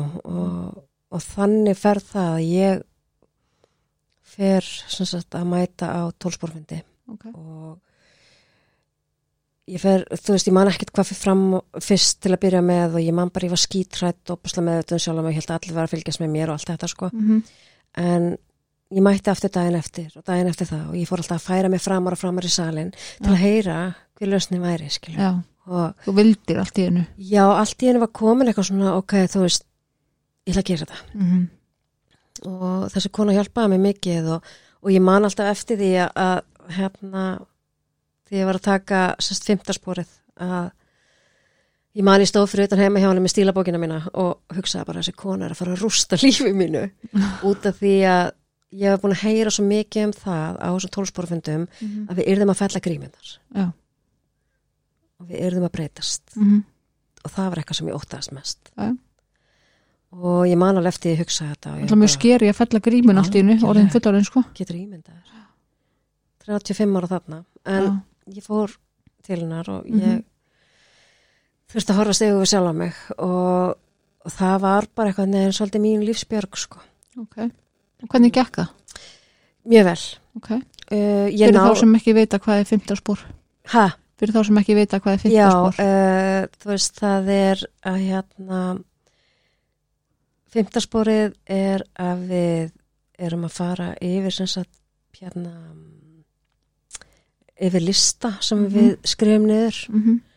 varðandi gremju og óta ok og svo er einn annar listi mm -hmm. og hérna, síðan förum við yfir þetta og það er rauninni það að sá sem er að fara yfir þetta með þér, hann er komið lengra, búin að gera þetta sjálfur og getur bent þér á þú veist, mm Mhm. akkur þetta gröm út í þennan, að því hann er búin að gera svo mikið á minn hlut, já, já, en, hvað gerir þú? já, einmitt það var svo, Það að að það var svo rosalegt Já, að uppgöta það að ég var rótin á þessu öll, mhm. að því að sko Nákvæmlega. fyrirfærandi kærasti mín var miklu verra en ég hann var búin svo vonduð mig skilur mhm. ha, býtu var það mér, ha, þetta þú veist, allt, þetta var svo þetta var svo mikið svona bara einhvern veginn í lífi minni, sko Mhm. og allt í henni fór ég að sjá lífi í liti, ég fór að sjá lit veist, í kringum mig, ég fór að sjá blóm ég bara, þú veist, einmitt áttaði maður þá komið sumar og grasið var grænt og það var bleik blóm og, og ég var eitthvað svona, vá, býtu, mér bara líður ágætlega. Já. Það breytist margt. Já. Og ég náði, þú veist, uh, ég var mjög dugleg í hérna þessum tólspóru samtökum og, og ég var að hjálpa öðrum og ég var að fara uh, með fundi og ég, þú veist, ég var rosa dugleg bara og Mhm. hérna í þrjú ár og svo fór ég í grettistækið okay. og hérna í svona endurhafingu og það hjálpaði mér mjög mikið og þeir útskrifastu því, það fór ég í nám mm og hérna og var rosa fullorðin en þar fer eitthvað svona halla undir fæti hjá mig því að ég eitthvað neður svona hugsa æ, ég er svo þreytt í kvöldir en ekki fara að Já. fundi búin í skólanum í dag Ég þarf nú ekkert svona rosalega mikið Já, ég þarf að læra. Já, ég þarf, ég þarf. Þá fór eitthvað neður svona það er ekki enn til í fyrsta sæti hana nei, hávara rættir heimsins görguðu svolítið mikið og, og svona, þú veist um, uh, svona forgangsröðið mér breyttist. Mhm. Þannig er ég orðin amma, svona ég varð amma 2011 Já, og þá er ég búin að reytra í tvö ár og, og hérna. Var- dásamlegt hlutverk hef ég heyrt Það er alveg ekki, mm -hmm. hann er æðislegur, hann hérna hann breytti rosalega mikið lífi mínu Já, og gaf mér rosalega mikið vilja að halda áfram að lifa þessu lífi mm eins og ég var að gera -hmm. og þarna kemst ég svona svona eftir að hann fæðist og stutt eftir það að minn er komin í ykkur óreglu og ok og svona ég átta mig samt ekki alveg á því en Mhm. mér fyrir að gruna það og ég Mhm. fyrir að vera rosalega meðverkunum Já. Þannig ég er alltaf með barnabarnið mitt að passa það mm -hmm. hægt að fara að fundina mína því ég er með Mhm. barnabarnið Mhm. og svona fyrir einhvern veginn að málun undan mér Mhm. og sem sagt hérna í desember 2012 þá er ég búin að vera etru í þrjú og halvt ár Mhm. og Þetta er í það Já. og ferðu bara aftur á sama stað Já, miklu verri Já, þú veist ég hef bara beint inn í já, beint inn í ránkvömyndir fór til hann að gamla kærastans og, og það bara hafði ekkert breyst á og halva ári. Nei. þú veist, sko sjúdómurinn sem ég hef sem er alkoholismi Mhm. að hann heldur bara áfram. Mhm. hann stoppar ekkert og endur nýja sig og fer aftur á nullið Nei, hann heldur bara áfram, Mhm. Saman hversu lengi þú er búin að vera edru algjörlega. Það er bara ennþá saman partíð í gangi að núti sko. Já, já, og svo bara ef ég fæ mér þá fer ég bara nákvæmlega sama stað ég var Mhm. þegar hann tekur við Þú byrjar ekkit aftur bara sama staðu þegar þú varst 13 Nei, akkurat Þú byrjar, byrjar bara Já. á sama staði að vera eins og fyrir þreymur og halvu ári algjörlega algjörlega þannig að þú veist, ég er bara dett beint inn í þetta og ég var að fá mér í fimm vikur og mm. þetta var bara eiginlega vakandi í fimm vikur og, og var bara ótrúlega vonljós með sjálfum og ég, ég man alveg að hugsa að þú veist, mér er ekkit ætla að verða edru, skilur, mér er ekkit ætla að eiga gott líf og bara rosa dramatísk og, Já, já, og ég þarf bara að fylgja þessum örlegum í lífi minn og eitthvað og, en af því að ég hafði kynst æðri mætti mhm, og hérna og ég hafði fengið svo mikið kraftaverk í lífið mitt á þessum Mhm. tíma sem ég var edru að þá vissi ég varst búin að finna Já. að þetta var hægt já, ég vissi að það var eitthvað mér aðra hana Já. þannig í ástandinu á mér þá er ég að tala við minn æðri mátt og, og er að segja bara eitthvað, þú veist, ég man alltaf eftir þessu þú veist, ég er eitthvað á klósið þegar með görnum og ég er bara eitthvað, ég veist, að það er þannig að hjálpa mér og, Mhm. og eitthvað svona samt eitthvað neina ekkert eitthvað í djúbri þrá eftir, skilur Mhm. en fer svo fram í stofu til hans og, og efnin virkuð ekkert það gerði ekkert fyrir mig Nei. Þannig ég hallaðast alltaf lengur og lengur í sófan bara og sopnaði síðan og Já. vaknaði svo tveim dögum setna og ég er búin að reytra síðan þú er bara búin að eitthvað síðan Já. þannig að, þannig að munurinn á því þegar þú dettur í það þarna Mhm. í þessar fimm vikur Mm. úst, þetta, ef við getum kallað þetta fyllir í, eða þú veist hvað Mhm. sem við viljum kalla það, er allt allt öðruvísu heldur en hinn neyslan því þarna ertu sko, þarna veistu af lausninni, þú hefur pröfað hana Já. þú kunnir þetta Já. í rauninni, þannig að þetta tímabil er allt allt öðruvísi heldur en neyslan á undan, algjörlega. Algjörlega. það er svolítið svona magna, en hvort er, ég veit svara þessar spurningu sem ég svo að spyrja sko, mm. hvort er erfið að vera úti í neyslu eða veita barninu sín út í neyslu? Vita batinu sínu til neyslu. Já. já, og svonin fór eitthvað út í já, hennan já. heim. Hann, hann fetaði í fótspór fóreldra því miður og Þannig að þú hefur þekking á því að vera aðstandandi sko báðu Já, megin sem já. aðstandandi mjóðinar já, og föður já, og svo já. Þetta er þetta er alveg, sko enda var ég alveg sjúglega meðvirk í öllum aðstæðum, skilur, ég Já. var bara veika meðvirkni Já, ég trú því alveg og dansaði bara í kringum einhvern veginn allt og mm -hmm. þú veist, það var svona þú veist, mann ekkit í mér í rauninni á þessum tíma og ég var að stunda tólspórsamtök ég, ég var einhvern veginn að reyna að leita leiða, þú veist, einhvern veginn til að halda höfðin uppi og, og vera til staðar og stýra öll á stjórna skilur en, Já, já. en á einhverjum tímapunkti þá hætti ég og bara slefti takinu Já. og þá kynnist ég manni og, og sem er bara svona vennilega maður sem er ekki hefur aldrei verið í einu en einu og er bara ekki einu svona reglumaður dópsali eða neitt? Nei, heyrðu, hann var engi dópsali.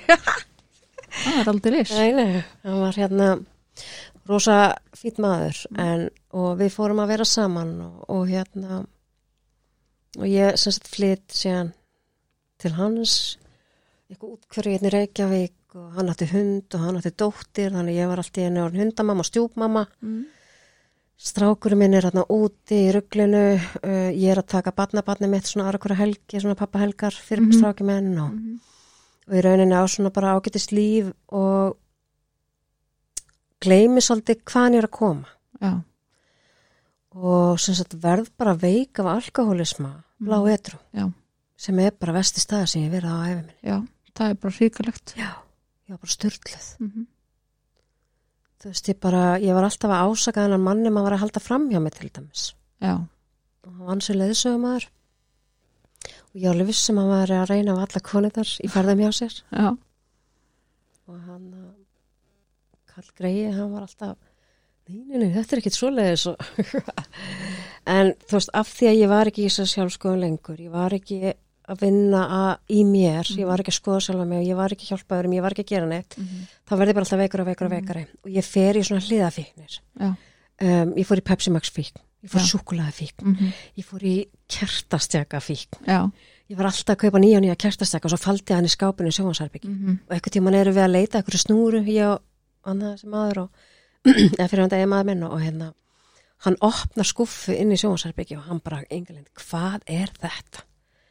það bara tróðfull skuffa eitthvað kertastökum og ég gæti ekki sagt nei, nei, Þú veist, samt var ég búin að reyna að gefa fullt af þessu sko. Ég bara var alltaf að fá nýjan kertastöka. Þetta verður, og ég varði eitthvað neginn svona bara, ég það var henni að fylla í eitthvað tóm. Algjörlega. Það Já, og ég fitnaði mikið á þessum tíma og, og hérna, ég var alltaf að kaupa mér ný fött og svo s- var, spyr hann ekkert um hvað varst að kaupa þetta, nei, þetta er eitthvað eldgamalt sem hann skap, þú veist, ég að fann að ljúa, þú veist, ég, uh, ég einangraðist mjög mikið, Mhm. uh, ég var mjög stjórnsam við stjúpdóttur mína, það fór allt í með sem hún gerði og sagði, Mhm. Uh, ég var pyrruð á hundinum, við vorum búin að fá okkur, okkur eitthvað risa kött og hann var hann algjörlega óþúrland, það fór svo mikið á hárum, þú veist það var eitthvað, það, þú veist það mátti ekki sömnál detta, það fór að tjóða það að mig skilur það er sko bara alveg hreinskildi það er fátt meira þreytandi heldur en óvirkur alkoholisti sem er ekki bata. Já, það er þannig sko. Ég get alveg ímynda með það, já, það er þannig. þú veist, ég eitthvað neginn átta mig ekkert á ástandinu, nei, nei. þú veist, um, fyrir hann að hann segir við mig, þú veist, hérna, sko þá erum við búin að gifta okkur.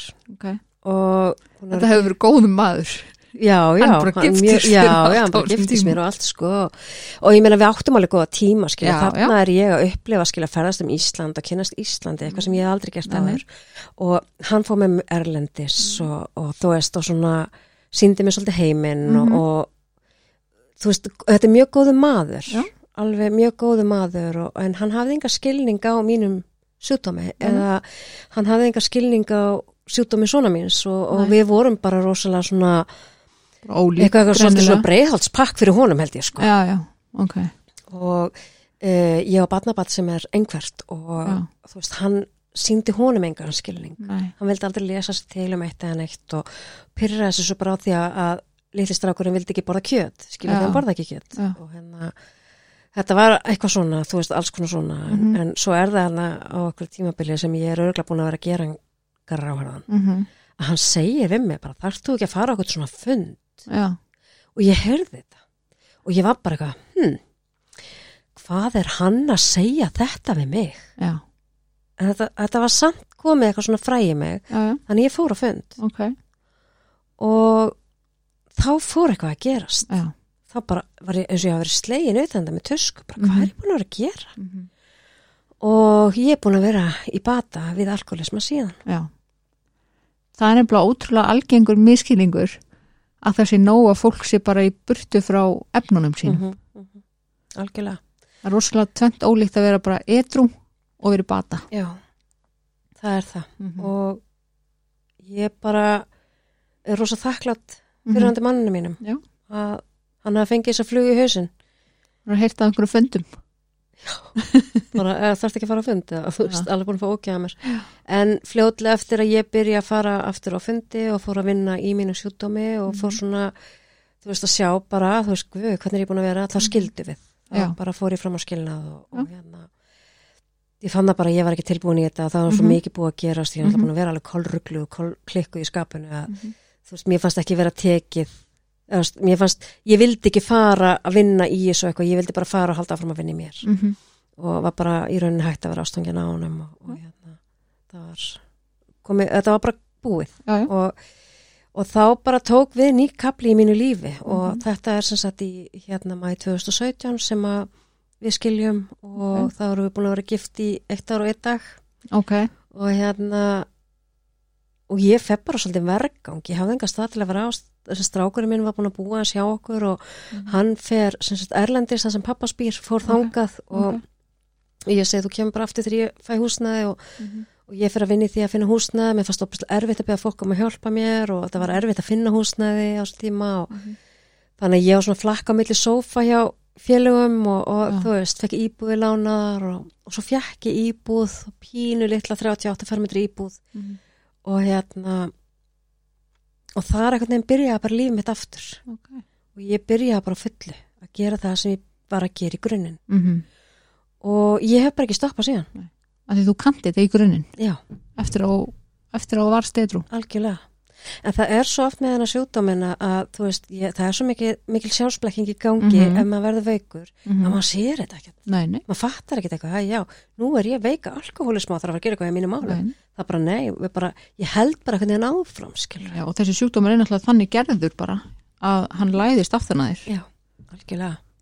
Svo er bara eitthvað svona skrýmsli sem tekur yfir og Mhm. maður bara, já, stjórnar engum maður bara, bara stjórnlaus Það er mjög oft þannig sem að fólk lýsir þessu, bara allt í einu var ég bara búin að fá mér. Já. Ég veit ekkert hvað gerðist. já, nákvæmlega, En svo er líka mjög oft þannig að fólk sem að hefur úst, skilning á sjúkdómnum og þekkingu á þessu öllu saman er kannski búið að sjá einstakling á fallbraut í eitt, tvö ár Mhm. áður en það fellur en, en manneskjan sjálf sem er veik hafði ekki hugmyndum það akkurat en svo Og- svo mikil meðverkni kringa að enginn þóra að segja neitt Já. sko. Og þó svo ofta sé sagt eitthvað við þann einstakling þú veist, hei, þú ert nú hættilega breyða þú mynd Þetta að gerast að það bara, nei, þetta er ekkert að fara að gerast fyrir mig. Ekkert að mér. Nei, er ekkert að mér. Og þetta er svo mikið, þetta er svo mikið sjúkdómur sjálfsblekkingar. Já, já, hérna þannig að, já, ég er búin að vera bara í góðan bata. Og dásamlegt. Að, dásamlegt. Já, þetta er ræðislegt. Þetta er ég hvernig var alltaf trúið í skilju líf mitt Mhm. skuli vera orðið svona vegna þess að frá því að vera stúlkan og móðurinn sem að misti batnið sitt og gæti ekki unni og gæti ekki verið skóla gæti ekki tekið ábyrð á neinu og vildi bara vera hálf meðundurlaus alltaf. Mhm. í það að vera kona sem ég er í dag ég hefði aldrei trúið ég hefði, þú veist, þó ég hefði getað séðan í framtíðina og vita að þetta verið framtíði mín ég myndi, hefði ekki trúið Nei. Þú hefur bara sagt, nei, þetta passar ekki. Já, Þetta er ykkur annar, það verður að fara mannavilt þetta er ekki örlögi mín. En um, En hver er, hver er Ingalind í dag? Ingalind í dag er sem sagt hérna er kona sem að er búin að vinna mikið í sér Já, og er búin að vera í hérna þessari ENDR meðferð mjög Mhm. mikið og sem er búin að hjálpa mér rosalega mikið með áföllin mm frá barnarsku og, og náttúrulega áfram þú veist, -hmm. Lífi hjælt alveg áfram að gerast ofbeldi heldur alveg áfram að gerast og hvað það þegar maður er í þú veist, Fólk gerir svo ofta ekki grein fyrir því að neyslan ein og sér er áfall. Já, algjörlega, Hvað þá það sem gerist inn í neyslunni Já. og neyslu heiminum sko. Já, algjörlega. Fullt af áföllum sem gerast þar. Já, já, já. Og þú veist, emitt líka bara þú veist, að maður var eitthvað staðar og það voru eitthvað slagsmál með tveggja manna og annar var yfir hinum og barðana stýttu dauð og maður kippir sér ekki upp þetta skilur Þetta er bara hluta raumurlegan þetta var alveg, þú veist, þegar ég fór að vinna í þessu og svona fór að skoða þetta, þá, þá bara fjekk ég svona smá áfall, sko, Mhm. ég bara húf, þú veist, að því að þú veist, ég, ég tek kongul á heima hjá mér og setja hann út aftur og flugur og, og þú veist, ég get ekki gert neinum mein, Nei, ég get ekki hugsað mér, þú veist neitt, eitthvað slæmt Já. skilur, að gera eitthvað um eitthvað slæmt eða horfa upp á eitthvað slæmt, hvað þá? En að hafa verið á svona stað þarna, það Mhm. er bara já það, þetta er bara ótrúlegt, eins og segi Mhm. hver ég er orðin í dag. Ég hérna ég er mamma. Mm ég á strák sem er á beinubröðinni hann er búin að vera eitthvað einhver ár. Hann er búin að eitthrunast í fimm ár. Gekja gengur ótrúlega vel og, og er stundum pínu óþólandi Já, en, en hérna stundum er alveg spurning hver er foreldri og hver er barnið? Einmitt. Hann vil of, mjög oft vilja hafa viti fyrir mömmu sinni. Mm -hmm. og hérna um, það sem búið að gerast þessast, hann fór mjög langt í sinni óreglu og, og neslu og, og hérna. En þegar að hann gafst upp þá ringdi hann í mig Já, og baði mig um að hjálpa sér. Já. og ég fór að sóta hann. Fannst þið það ekki dýrmætt? Jú, Hann hafi ringt í þig? Þetta var geggja sko. Þú veist, ég var samt einhvern veginn að því að hann var alveg búin að fara inn á vóg eitthvað svona áður og vera eitthvað svona mm -hmm. Reyna sko þá var ég eitthvað, þetta er bara enn eitt skiptið. Mm en þarna gerist eitthvað hjá honum og hann fer sem sagt í meðferð og -hmm. gekk mér vel og hann ákvað bara breytast. Og ég sá bara rosa breytingu á stráknum mínum og sem var alveg geggju sko. Og hann bjó hjá mér og svo fór hann að fá stráki sinn aðra hverja helgi og við byggum hann að þrjú í 38 fermetrum. Já, einmitt strákurinn minn er mjög stór og mikill strákur sko og hérna við gátum ekki mæst í hurðagati eða neitt sko. Veist, þetta var svo rosalega lítið en bara mjög góðar og fallega minninga af hann sko. Og hérna svo fór hann bara að leia sér og svo fór eitthvað neginn lífi hans að stækka og hann fór að vera ábyrgu faðir og óbúslega duglur, hann fór sem sagt hérna í nám og og hérna, mér langar að segja svolítið sögu svona frá því, ég tala mjög oft um þessu sögu þegar ég fer með söguna mína. Já.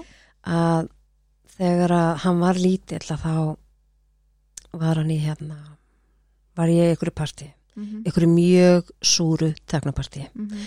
og það kom í mándagsmorgun og það er veist, allt svart úti það er veist, snjóri yfir öllu ískalt úti. Og ég man bara þú veist, það var allir svona svo súrir í þessu partí og ég man bara að þetta er á fyrstu hæð og ég heyri hurðar skjallast og ég lít svona á hérna út svona út um gluggan og þá sé ég að það er svona fjölskylda kona og, og maður og tvö börn að fara svona út í bíl. Og ég hugsaði að þau eru pottið að fara í vinnun á börnin á leikskólan Mhm. og ég man eftir tilfinningunum sem ég fekk Já. mér langar í þetta. Já, já. Mér langar að vera þessi mamma. Mm að vakna mótnana og vera að fara í vinnuna og strákur minn í skólan -hmm. Og hérna og svo bara fyrir þetta uppskilur Kemur bara eitthvað svona moment. Já en eftir að strákurinn minn kemur hann með ferð og flytur til mín mm og hann fyrir ná þá var þetta akkur tannig ég Mm. keirði hann í skólan á mótnana og svo fór ég í Þannig að þú fegst þetta moment. Mm og þetta fannst mér svo óbærslega dýrmættir ég áttaði með á þessu. Já. Að svona að draumar geta orðið að veruleika þó svo liði langu tími. Nákvæmlega. en spáðu í það sko hvað að því að það er svo opaslega margir sem að þeir sem hafa ekki skilning á fíkninni Mhm. úst, að hún er sterkari heldur en móður ástin já, úst, það að vera í þessu súra partí á mánudagsmotni segir ekkert til um það hversu mikið þið langi að vera þessi mamma Nei. en fíknin hefur bara meiri völd Já. heldur en löngunin þín til þess að vakna með barninu þínu og algjörlega skuttlaði í leikskólan hún tekur bara yfir. Já, og það er svo þegar fólk segir okkur hættur ekki bara? Já. það virkar ekki þannig. Og það er svo magnað fyrirbæri Mhm. þessi fík, mm -hmm. magnað á ekki góðan hátt, skilur ég veit það. Hún yfirtekur allt eitthvað þetta er bara svona þetta er, þetta er, ég veit ekki hversu oft ég vaknaði og sagði við sjálfa mig, nú er ég hætt já, nú er það búið ég drekk ekki meir, ég nota ekki meir mm ég ætla ekki að dætti það næsta helgi -hmm. og svo bara snjóaði yfir það skilur á. 50 degi og ég var dóttin í það Mm -hmm. og ef ég náði af retro heila helgi þá getur rétt ímyndaðar hvað ég átti það inni helgin eftir nákvæmlega, þá er þetta að vinna upp það þá erstu líka búin að sanna að þú varst sko engin alkoholisti algjörlega, ég gat alveg hægt hennar helgi Já. skilur, þetta er alveg, eins og ég segi þú veist, þetta er sjútdómur sjálfsblekkingar hennar Mhm. og, og maður er náttúrulega bara domgrendi laus í alla staði á, á, allt, a, Mhm. bara í lífinu í rauninni algjörlega, Já, ég, þú veist, uh, já, ég hérna, í dag er ég búin að vera eitthvað í þennan tíma sem ég finnst alveg ótrúlegur. Mhm. Uh, Ég er búin að vera í bata síðan 2017. Mhm. Ég er bara ennþá að gera það sem að ég gerði fyrstir ég var eitthvað. Þú Mhm. veist, ég er í viðundasambandi við miðin aðra mátt Mhm. og ég er að hjálpa öðrum og ég er að fara með fundi og ég er að reyna að vera fyrirmynd. mm og ert það svo sannarlega Takk. Ég bara er að reyna að hérna, ég vil bara vera besta útgáfana sjálfur mér og stundum ger ég alveg mistök og stundum er ég alveg í brjálu skapi og ég er bara mannleg sko. bara Guð hjálpi þér og myndir ekki það sko já, en ég er ekki eins hvatvís og ég var Nei. og ég hef róast rosa mikið og kannski áttar þig á því þegar þú gerir mistökin. Já, og byrst þá bara afsökunar algjörlega þá þarf ég alltaf að gera það. Það er munurinn, sko, Já. þar líka munurinn. Já, ég þú veist hérna já, ég far sko þú veist, ég er með samkend mm. ég veit ekki vænt um fólk. Ég er mjög tengslaröskuð já, mm, eðlilega, svona eftir mína barnesku mm um, þannig að mér er oft, mér er oft erfitt að viðhalda vináttarsambandum já, og, og það hefur alveg verið opuslega leiðilegt skilur þú veist Mhm. af því að ég er ekki að meina neitt illt með því ég á bara erfitt með þetta Mhm. og ég er ennþá að vinna í sjálfur mér með, þú veist, sálfræðing og ég er ég er alltaf að skoða mjög á Mhm. kvöldin þú veist, Mhm. hvernig var dagur mín í dag þú veist, var ég ekki góð alla og var ég, já þú veist, ég þarf alltaf að gera þetta Mhm. Og ég er svona hægt að taka svona ákvarðanir svona fyrir á bingo og vera svona kvatvís eins og ég var því ég var yngri og, og svona bara, já, ég get bara gert það sem ég sýnist og allt þetta skilja, ég, þú veist, ger ekkert nema að hugsa um máli í dag og mér finnst það líka vera svo mikið þroskamerki, já, algjörlega. Mér finnst það svo fullorðin. Og hann að e, þegar ég skildi við hérna manni minn 2017 og, og þá verði ég þá fer ég í svolítið börnátt mm og emitt, bjókverki, skiptum vinnu -hmm. í ykkur panikástandi e, fyrir inn á vinnustað sem er mjög mikið andlegt ofbeldi Mhm. og, og yfir maður minn er að er að gefa að hann vilji eitthvað með mig hafa og ég, og bara gamall maður og, Mhm. og rosa óviðegandi og, og í eitt skipti þá var þann bara mjög óviðegandi og ég fekk bara eitthvað svona eins og bara tögafall já, og ég bara gat ekki Nei, bara Ég ég verð bara útbrunnin eitthvað. Bara mikið búið að ganga og svona. Þannig að ég fef bara í endurhæfingu hjá virk Mhm. og í eitt og hálft ár. En, en því miður það bara var það ekki nóg fyrir mig út af því að ég þurfti að fara að vinna í áfællanum Mhm. og út af mínum kvíða og þessu þungliti sem ég var með þurfti að fara að meðhandla þetta. Þannig að, að ég, fjek, ég er búin að hafa svo góðan tíma til að vinna í sjálfri mér Mhm. og, og, og skoða sjálfa mig og, það er búið að vera æðislegt já, og núna er ég byrjuð komin að vinnumarkaðan aftur Já. og er farin að vinna í málaflokki sem að ég brenn fyrir Mhm. sem að mér finnst alveg frábært og byrjaði bara lítið í 25% og er nýbúin að hækka upp í meira og, og stefna því að vera komin í 100% inn eftir áramót. ok, frábært Já, þannig að ég er alltaf að verða fullanari og fullanari. Já, Alltaf að taka meira meira ábyrð og, og lífi er einhvern veginn hægt að vera erfitt út af því að ég er orðin svo jákvæð einhvern veginn á að hlut, sko, að því ég veit alveg, ég er búin að komast alla þessa leið Mhm. án þess að nokkuð hræðilegt hafi gerst, skilur auðvitað hafi margt hræðilegt gerst já, en ég liði það af, Mhm. en það er ekkert hræðilega að fara að gerast, Nei, að því ég á allt gott skilið, að 100% já, og mér finnst þú bara að vera að taka þetta í svo skynnsamum skrefum að byrja í 25% já, og mér finnst ég bara þú ert að vinna í málaflokki sem við brennum báða fyrir. Já, og mjög svona göfugt starf. Já, og vinna, byrja í 25% er að því það er svolítið íslenska leiðin bara, nú fer ég bara all in, fer ég bara að vinna. Mm það er líka mjög alkoholist já, ég veit það. Það er mjög gáulegt og svona mjög skynsalegt að byrja Já, mitt rólega. Já, út af því að ég eitthvað neginn hugsa, ok, þú veist ég þurfti bara að setjast niður og skrifa bara, þú veist, hver hvernig vil ég hafa næstu fimm ár hjá, í Mhm. mínu lífi, mm -hmm. hvað vil ég fara út og hvað vil ég koma inn Já. og það var svo mikið frelsi fyrir mig. Mm -hmm. Í dag þá býð ég í indislegri íbúð Já, Mm, það er búið að vera svolítið brölda mér Já. og hérna flyttu litli íbúðin í aðra og svo annað og svo fekk ég þessa íbúð og ég er með lítinn garð og lítinn pall þar sem ég get alveg sett einhver blóm og dullir í Mhm. eitthvað sem var, ég var ekki skilur og hérna fann að njóta litlu hlutuna já, á mjög fallegt heimili Mhm. og, og hérna Sónu minn hefur nú alveg hnussað yfir eðslunum minni á einhverjum yttalavössum og eitthvað svona. Já, já, en ég er svo duglega að minna hann á að þetta er arfurinn hans. Já. Að hann getur alltaf selt þetta fyrir ykkur á peninga. Einn daginn. Æ, mamma um, Ég með tvæ, að tvær litla kísur og yndislegt að koma heim. Þú veist, ég bý ein og yndislegt að koma heim og tekur ykkur á móti manni. Mm -hmm. og ég einhvern veginn er bara spennt einhvern veginn fyrir verkefni framtíðarinnar. Þú veist að því að ég veit að í dag það er sama hvað kemur upp í hendunar á mér, ég get lista Mm -hmm. ég er fær um það. Algjörlega. Að því ég er á þeim stað. Við svona minn erum rosalega góði vinnir Mhm. við erum mjög náinn ég fengið núna að vita hvað er að vera mamma Já. og fengið að upplifa svo móðurast Mhm. mm því að hana hafði ég aldrei að því ég var náttúrulega alltaf svo dofinn og, já, og ég meikaði ekki að tengist honum. Þannig að, að vita hvað að fá- að vita hvað móðurast er og hann er orðinn svona fullorinn mm -hmm. hann er alltaf orðinn 32 ára gammal dag. Um, hann tók saman við basmóðu sinna aftur. Ok. Og þau eru búin að kaupa sér íbúð og, og hérna og eru fjölskylda í dag og það er svo ég vildi að fólk myndi sjá framan í því þegar þú að tala um þetta.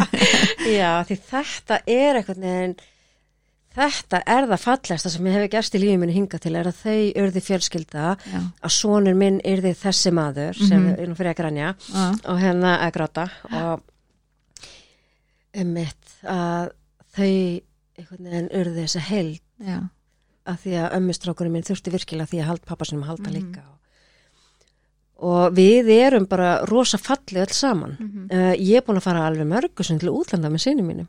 Já eftir að við erum bæði þú veist, etru og, og hann var 30 fyrir tveimur árum og ég beði honum til Budapest og við vorum þar sáum í sama rúmi á hóteli og fórum svo bara í rektin á mótnana og vorum þarna í borgin að skoða ykkur konusalla eitthvað og ég man þegar vorum að skoða höllina þá sagði hann, guð með góðum mamma aldrei hefði með dottið í hug að ég myndi nokkuð tíma að vera að lappa með þér í ykkur höll og skoða ykkur gamla munni og ég bara vákvæði til dýrmætt. Já, svo erum við búin að fara alveg til nokkur undir Sólanda og eða jólum að áramótin þar og, og þú veist, þetta er svo ótrúlega fallegt eitthvað neginn og þetta er svo, mér hefði aldrei gruna þetta, aldrei, aldrei nokkuð tíma. þetta er bara dásamlegt. Það er bara þannig, Já, miklu dýrmætara heldur en einhver, einhver hlutir sko. Algjörlega, þó svo sé nú alveg gaman að kaupa eitthvað. Kannski stundum og gaman.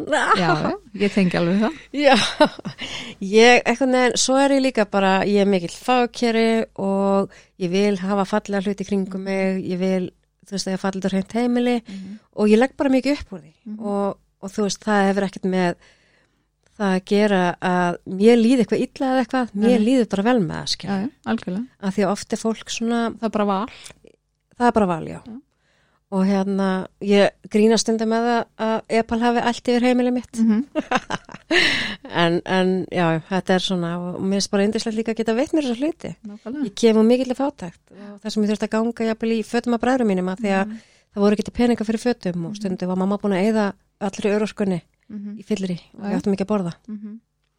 Þannig að þú veist, eh, stundum er alltaf mikill matur í ískapnum mínum og ég er svona að læra það að, að hérna, ég þarf ekki að vesla fyrir heila fjölskyldu, ég er bara einn og það veitir mér samt öryggi Já. að sé matur í ískapnum og, og þú veist, og svo skemmist hann og allt og ég verð Mhm. alveg brjál út í sjálf og með bara oh, hætt að kaupa þetta en þetta er eitthvað sem, sem að veitir mér öryggi. Mhm. þetta er eitthvað svona gamalt sem að Já, algjörlega. algjörlega, það er bara þannig.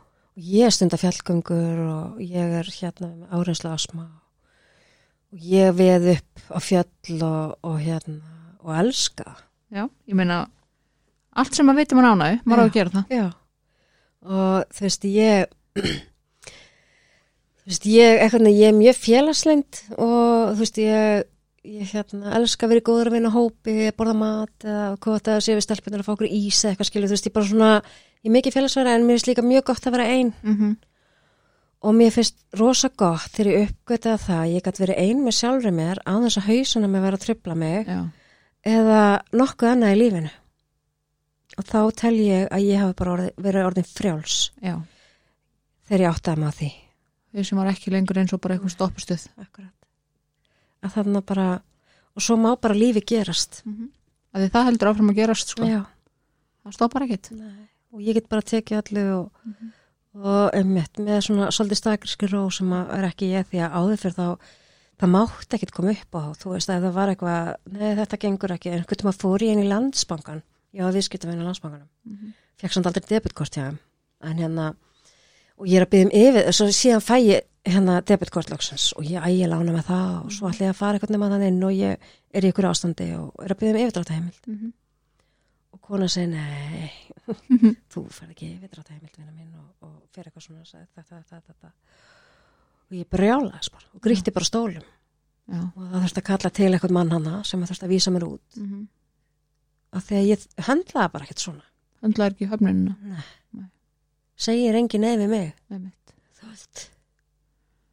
Og mér er að segja eitthvað tímann rétt eftir ég varð eitthvað 2009 þá lagði ég ólega mm hvað stöðumalega verður og var að setja stöðumalega satt á bílið minn ég brjálaðist, Já. ég bara garga á hann -hmm. og ég þetta alltaf fyrir mér þetta atrið svona, þú veist, þess að þegar ég stóð þarna og öskraði á veslingskonuna að Mhm. hárða hann og leikur fauk aftur að því ég gargaði svo mikið Mhm. ég, í algjörum órétti skilur já, þú lagðir ólöglega ég lagði ólega, hún að sinna vinninu sinni já, já, og ég snikkit í snarana sko. já. og ég borga borgaði oft bara ótrúlega mikið í stöðumala já. og hérna eftir þetta til að bæta svona upp að því að Mhm. ég ætla að hitta þennan stöðumala verða ekkert aftur og... Nei, nei, en ég glemi þess aldrei nei, þú veist bara, já þetta er svona moment sem maður svona úst, ég er í órétti Já. en ég samt að taka gremjunum mín út á, á Já. mannesjún sem er að vinna vinnur sína Já, þetta er bara, maður er eitthvað svo rugglaður sko. mm -hmm.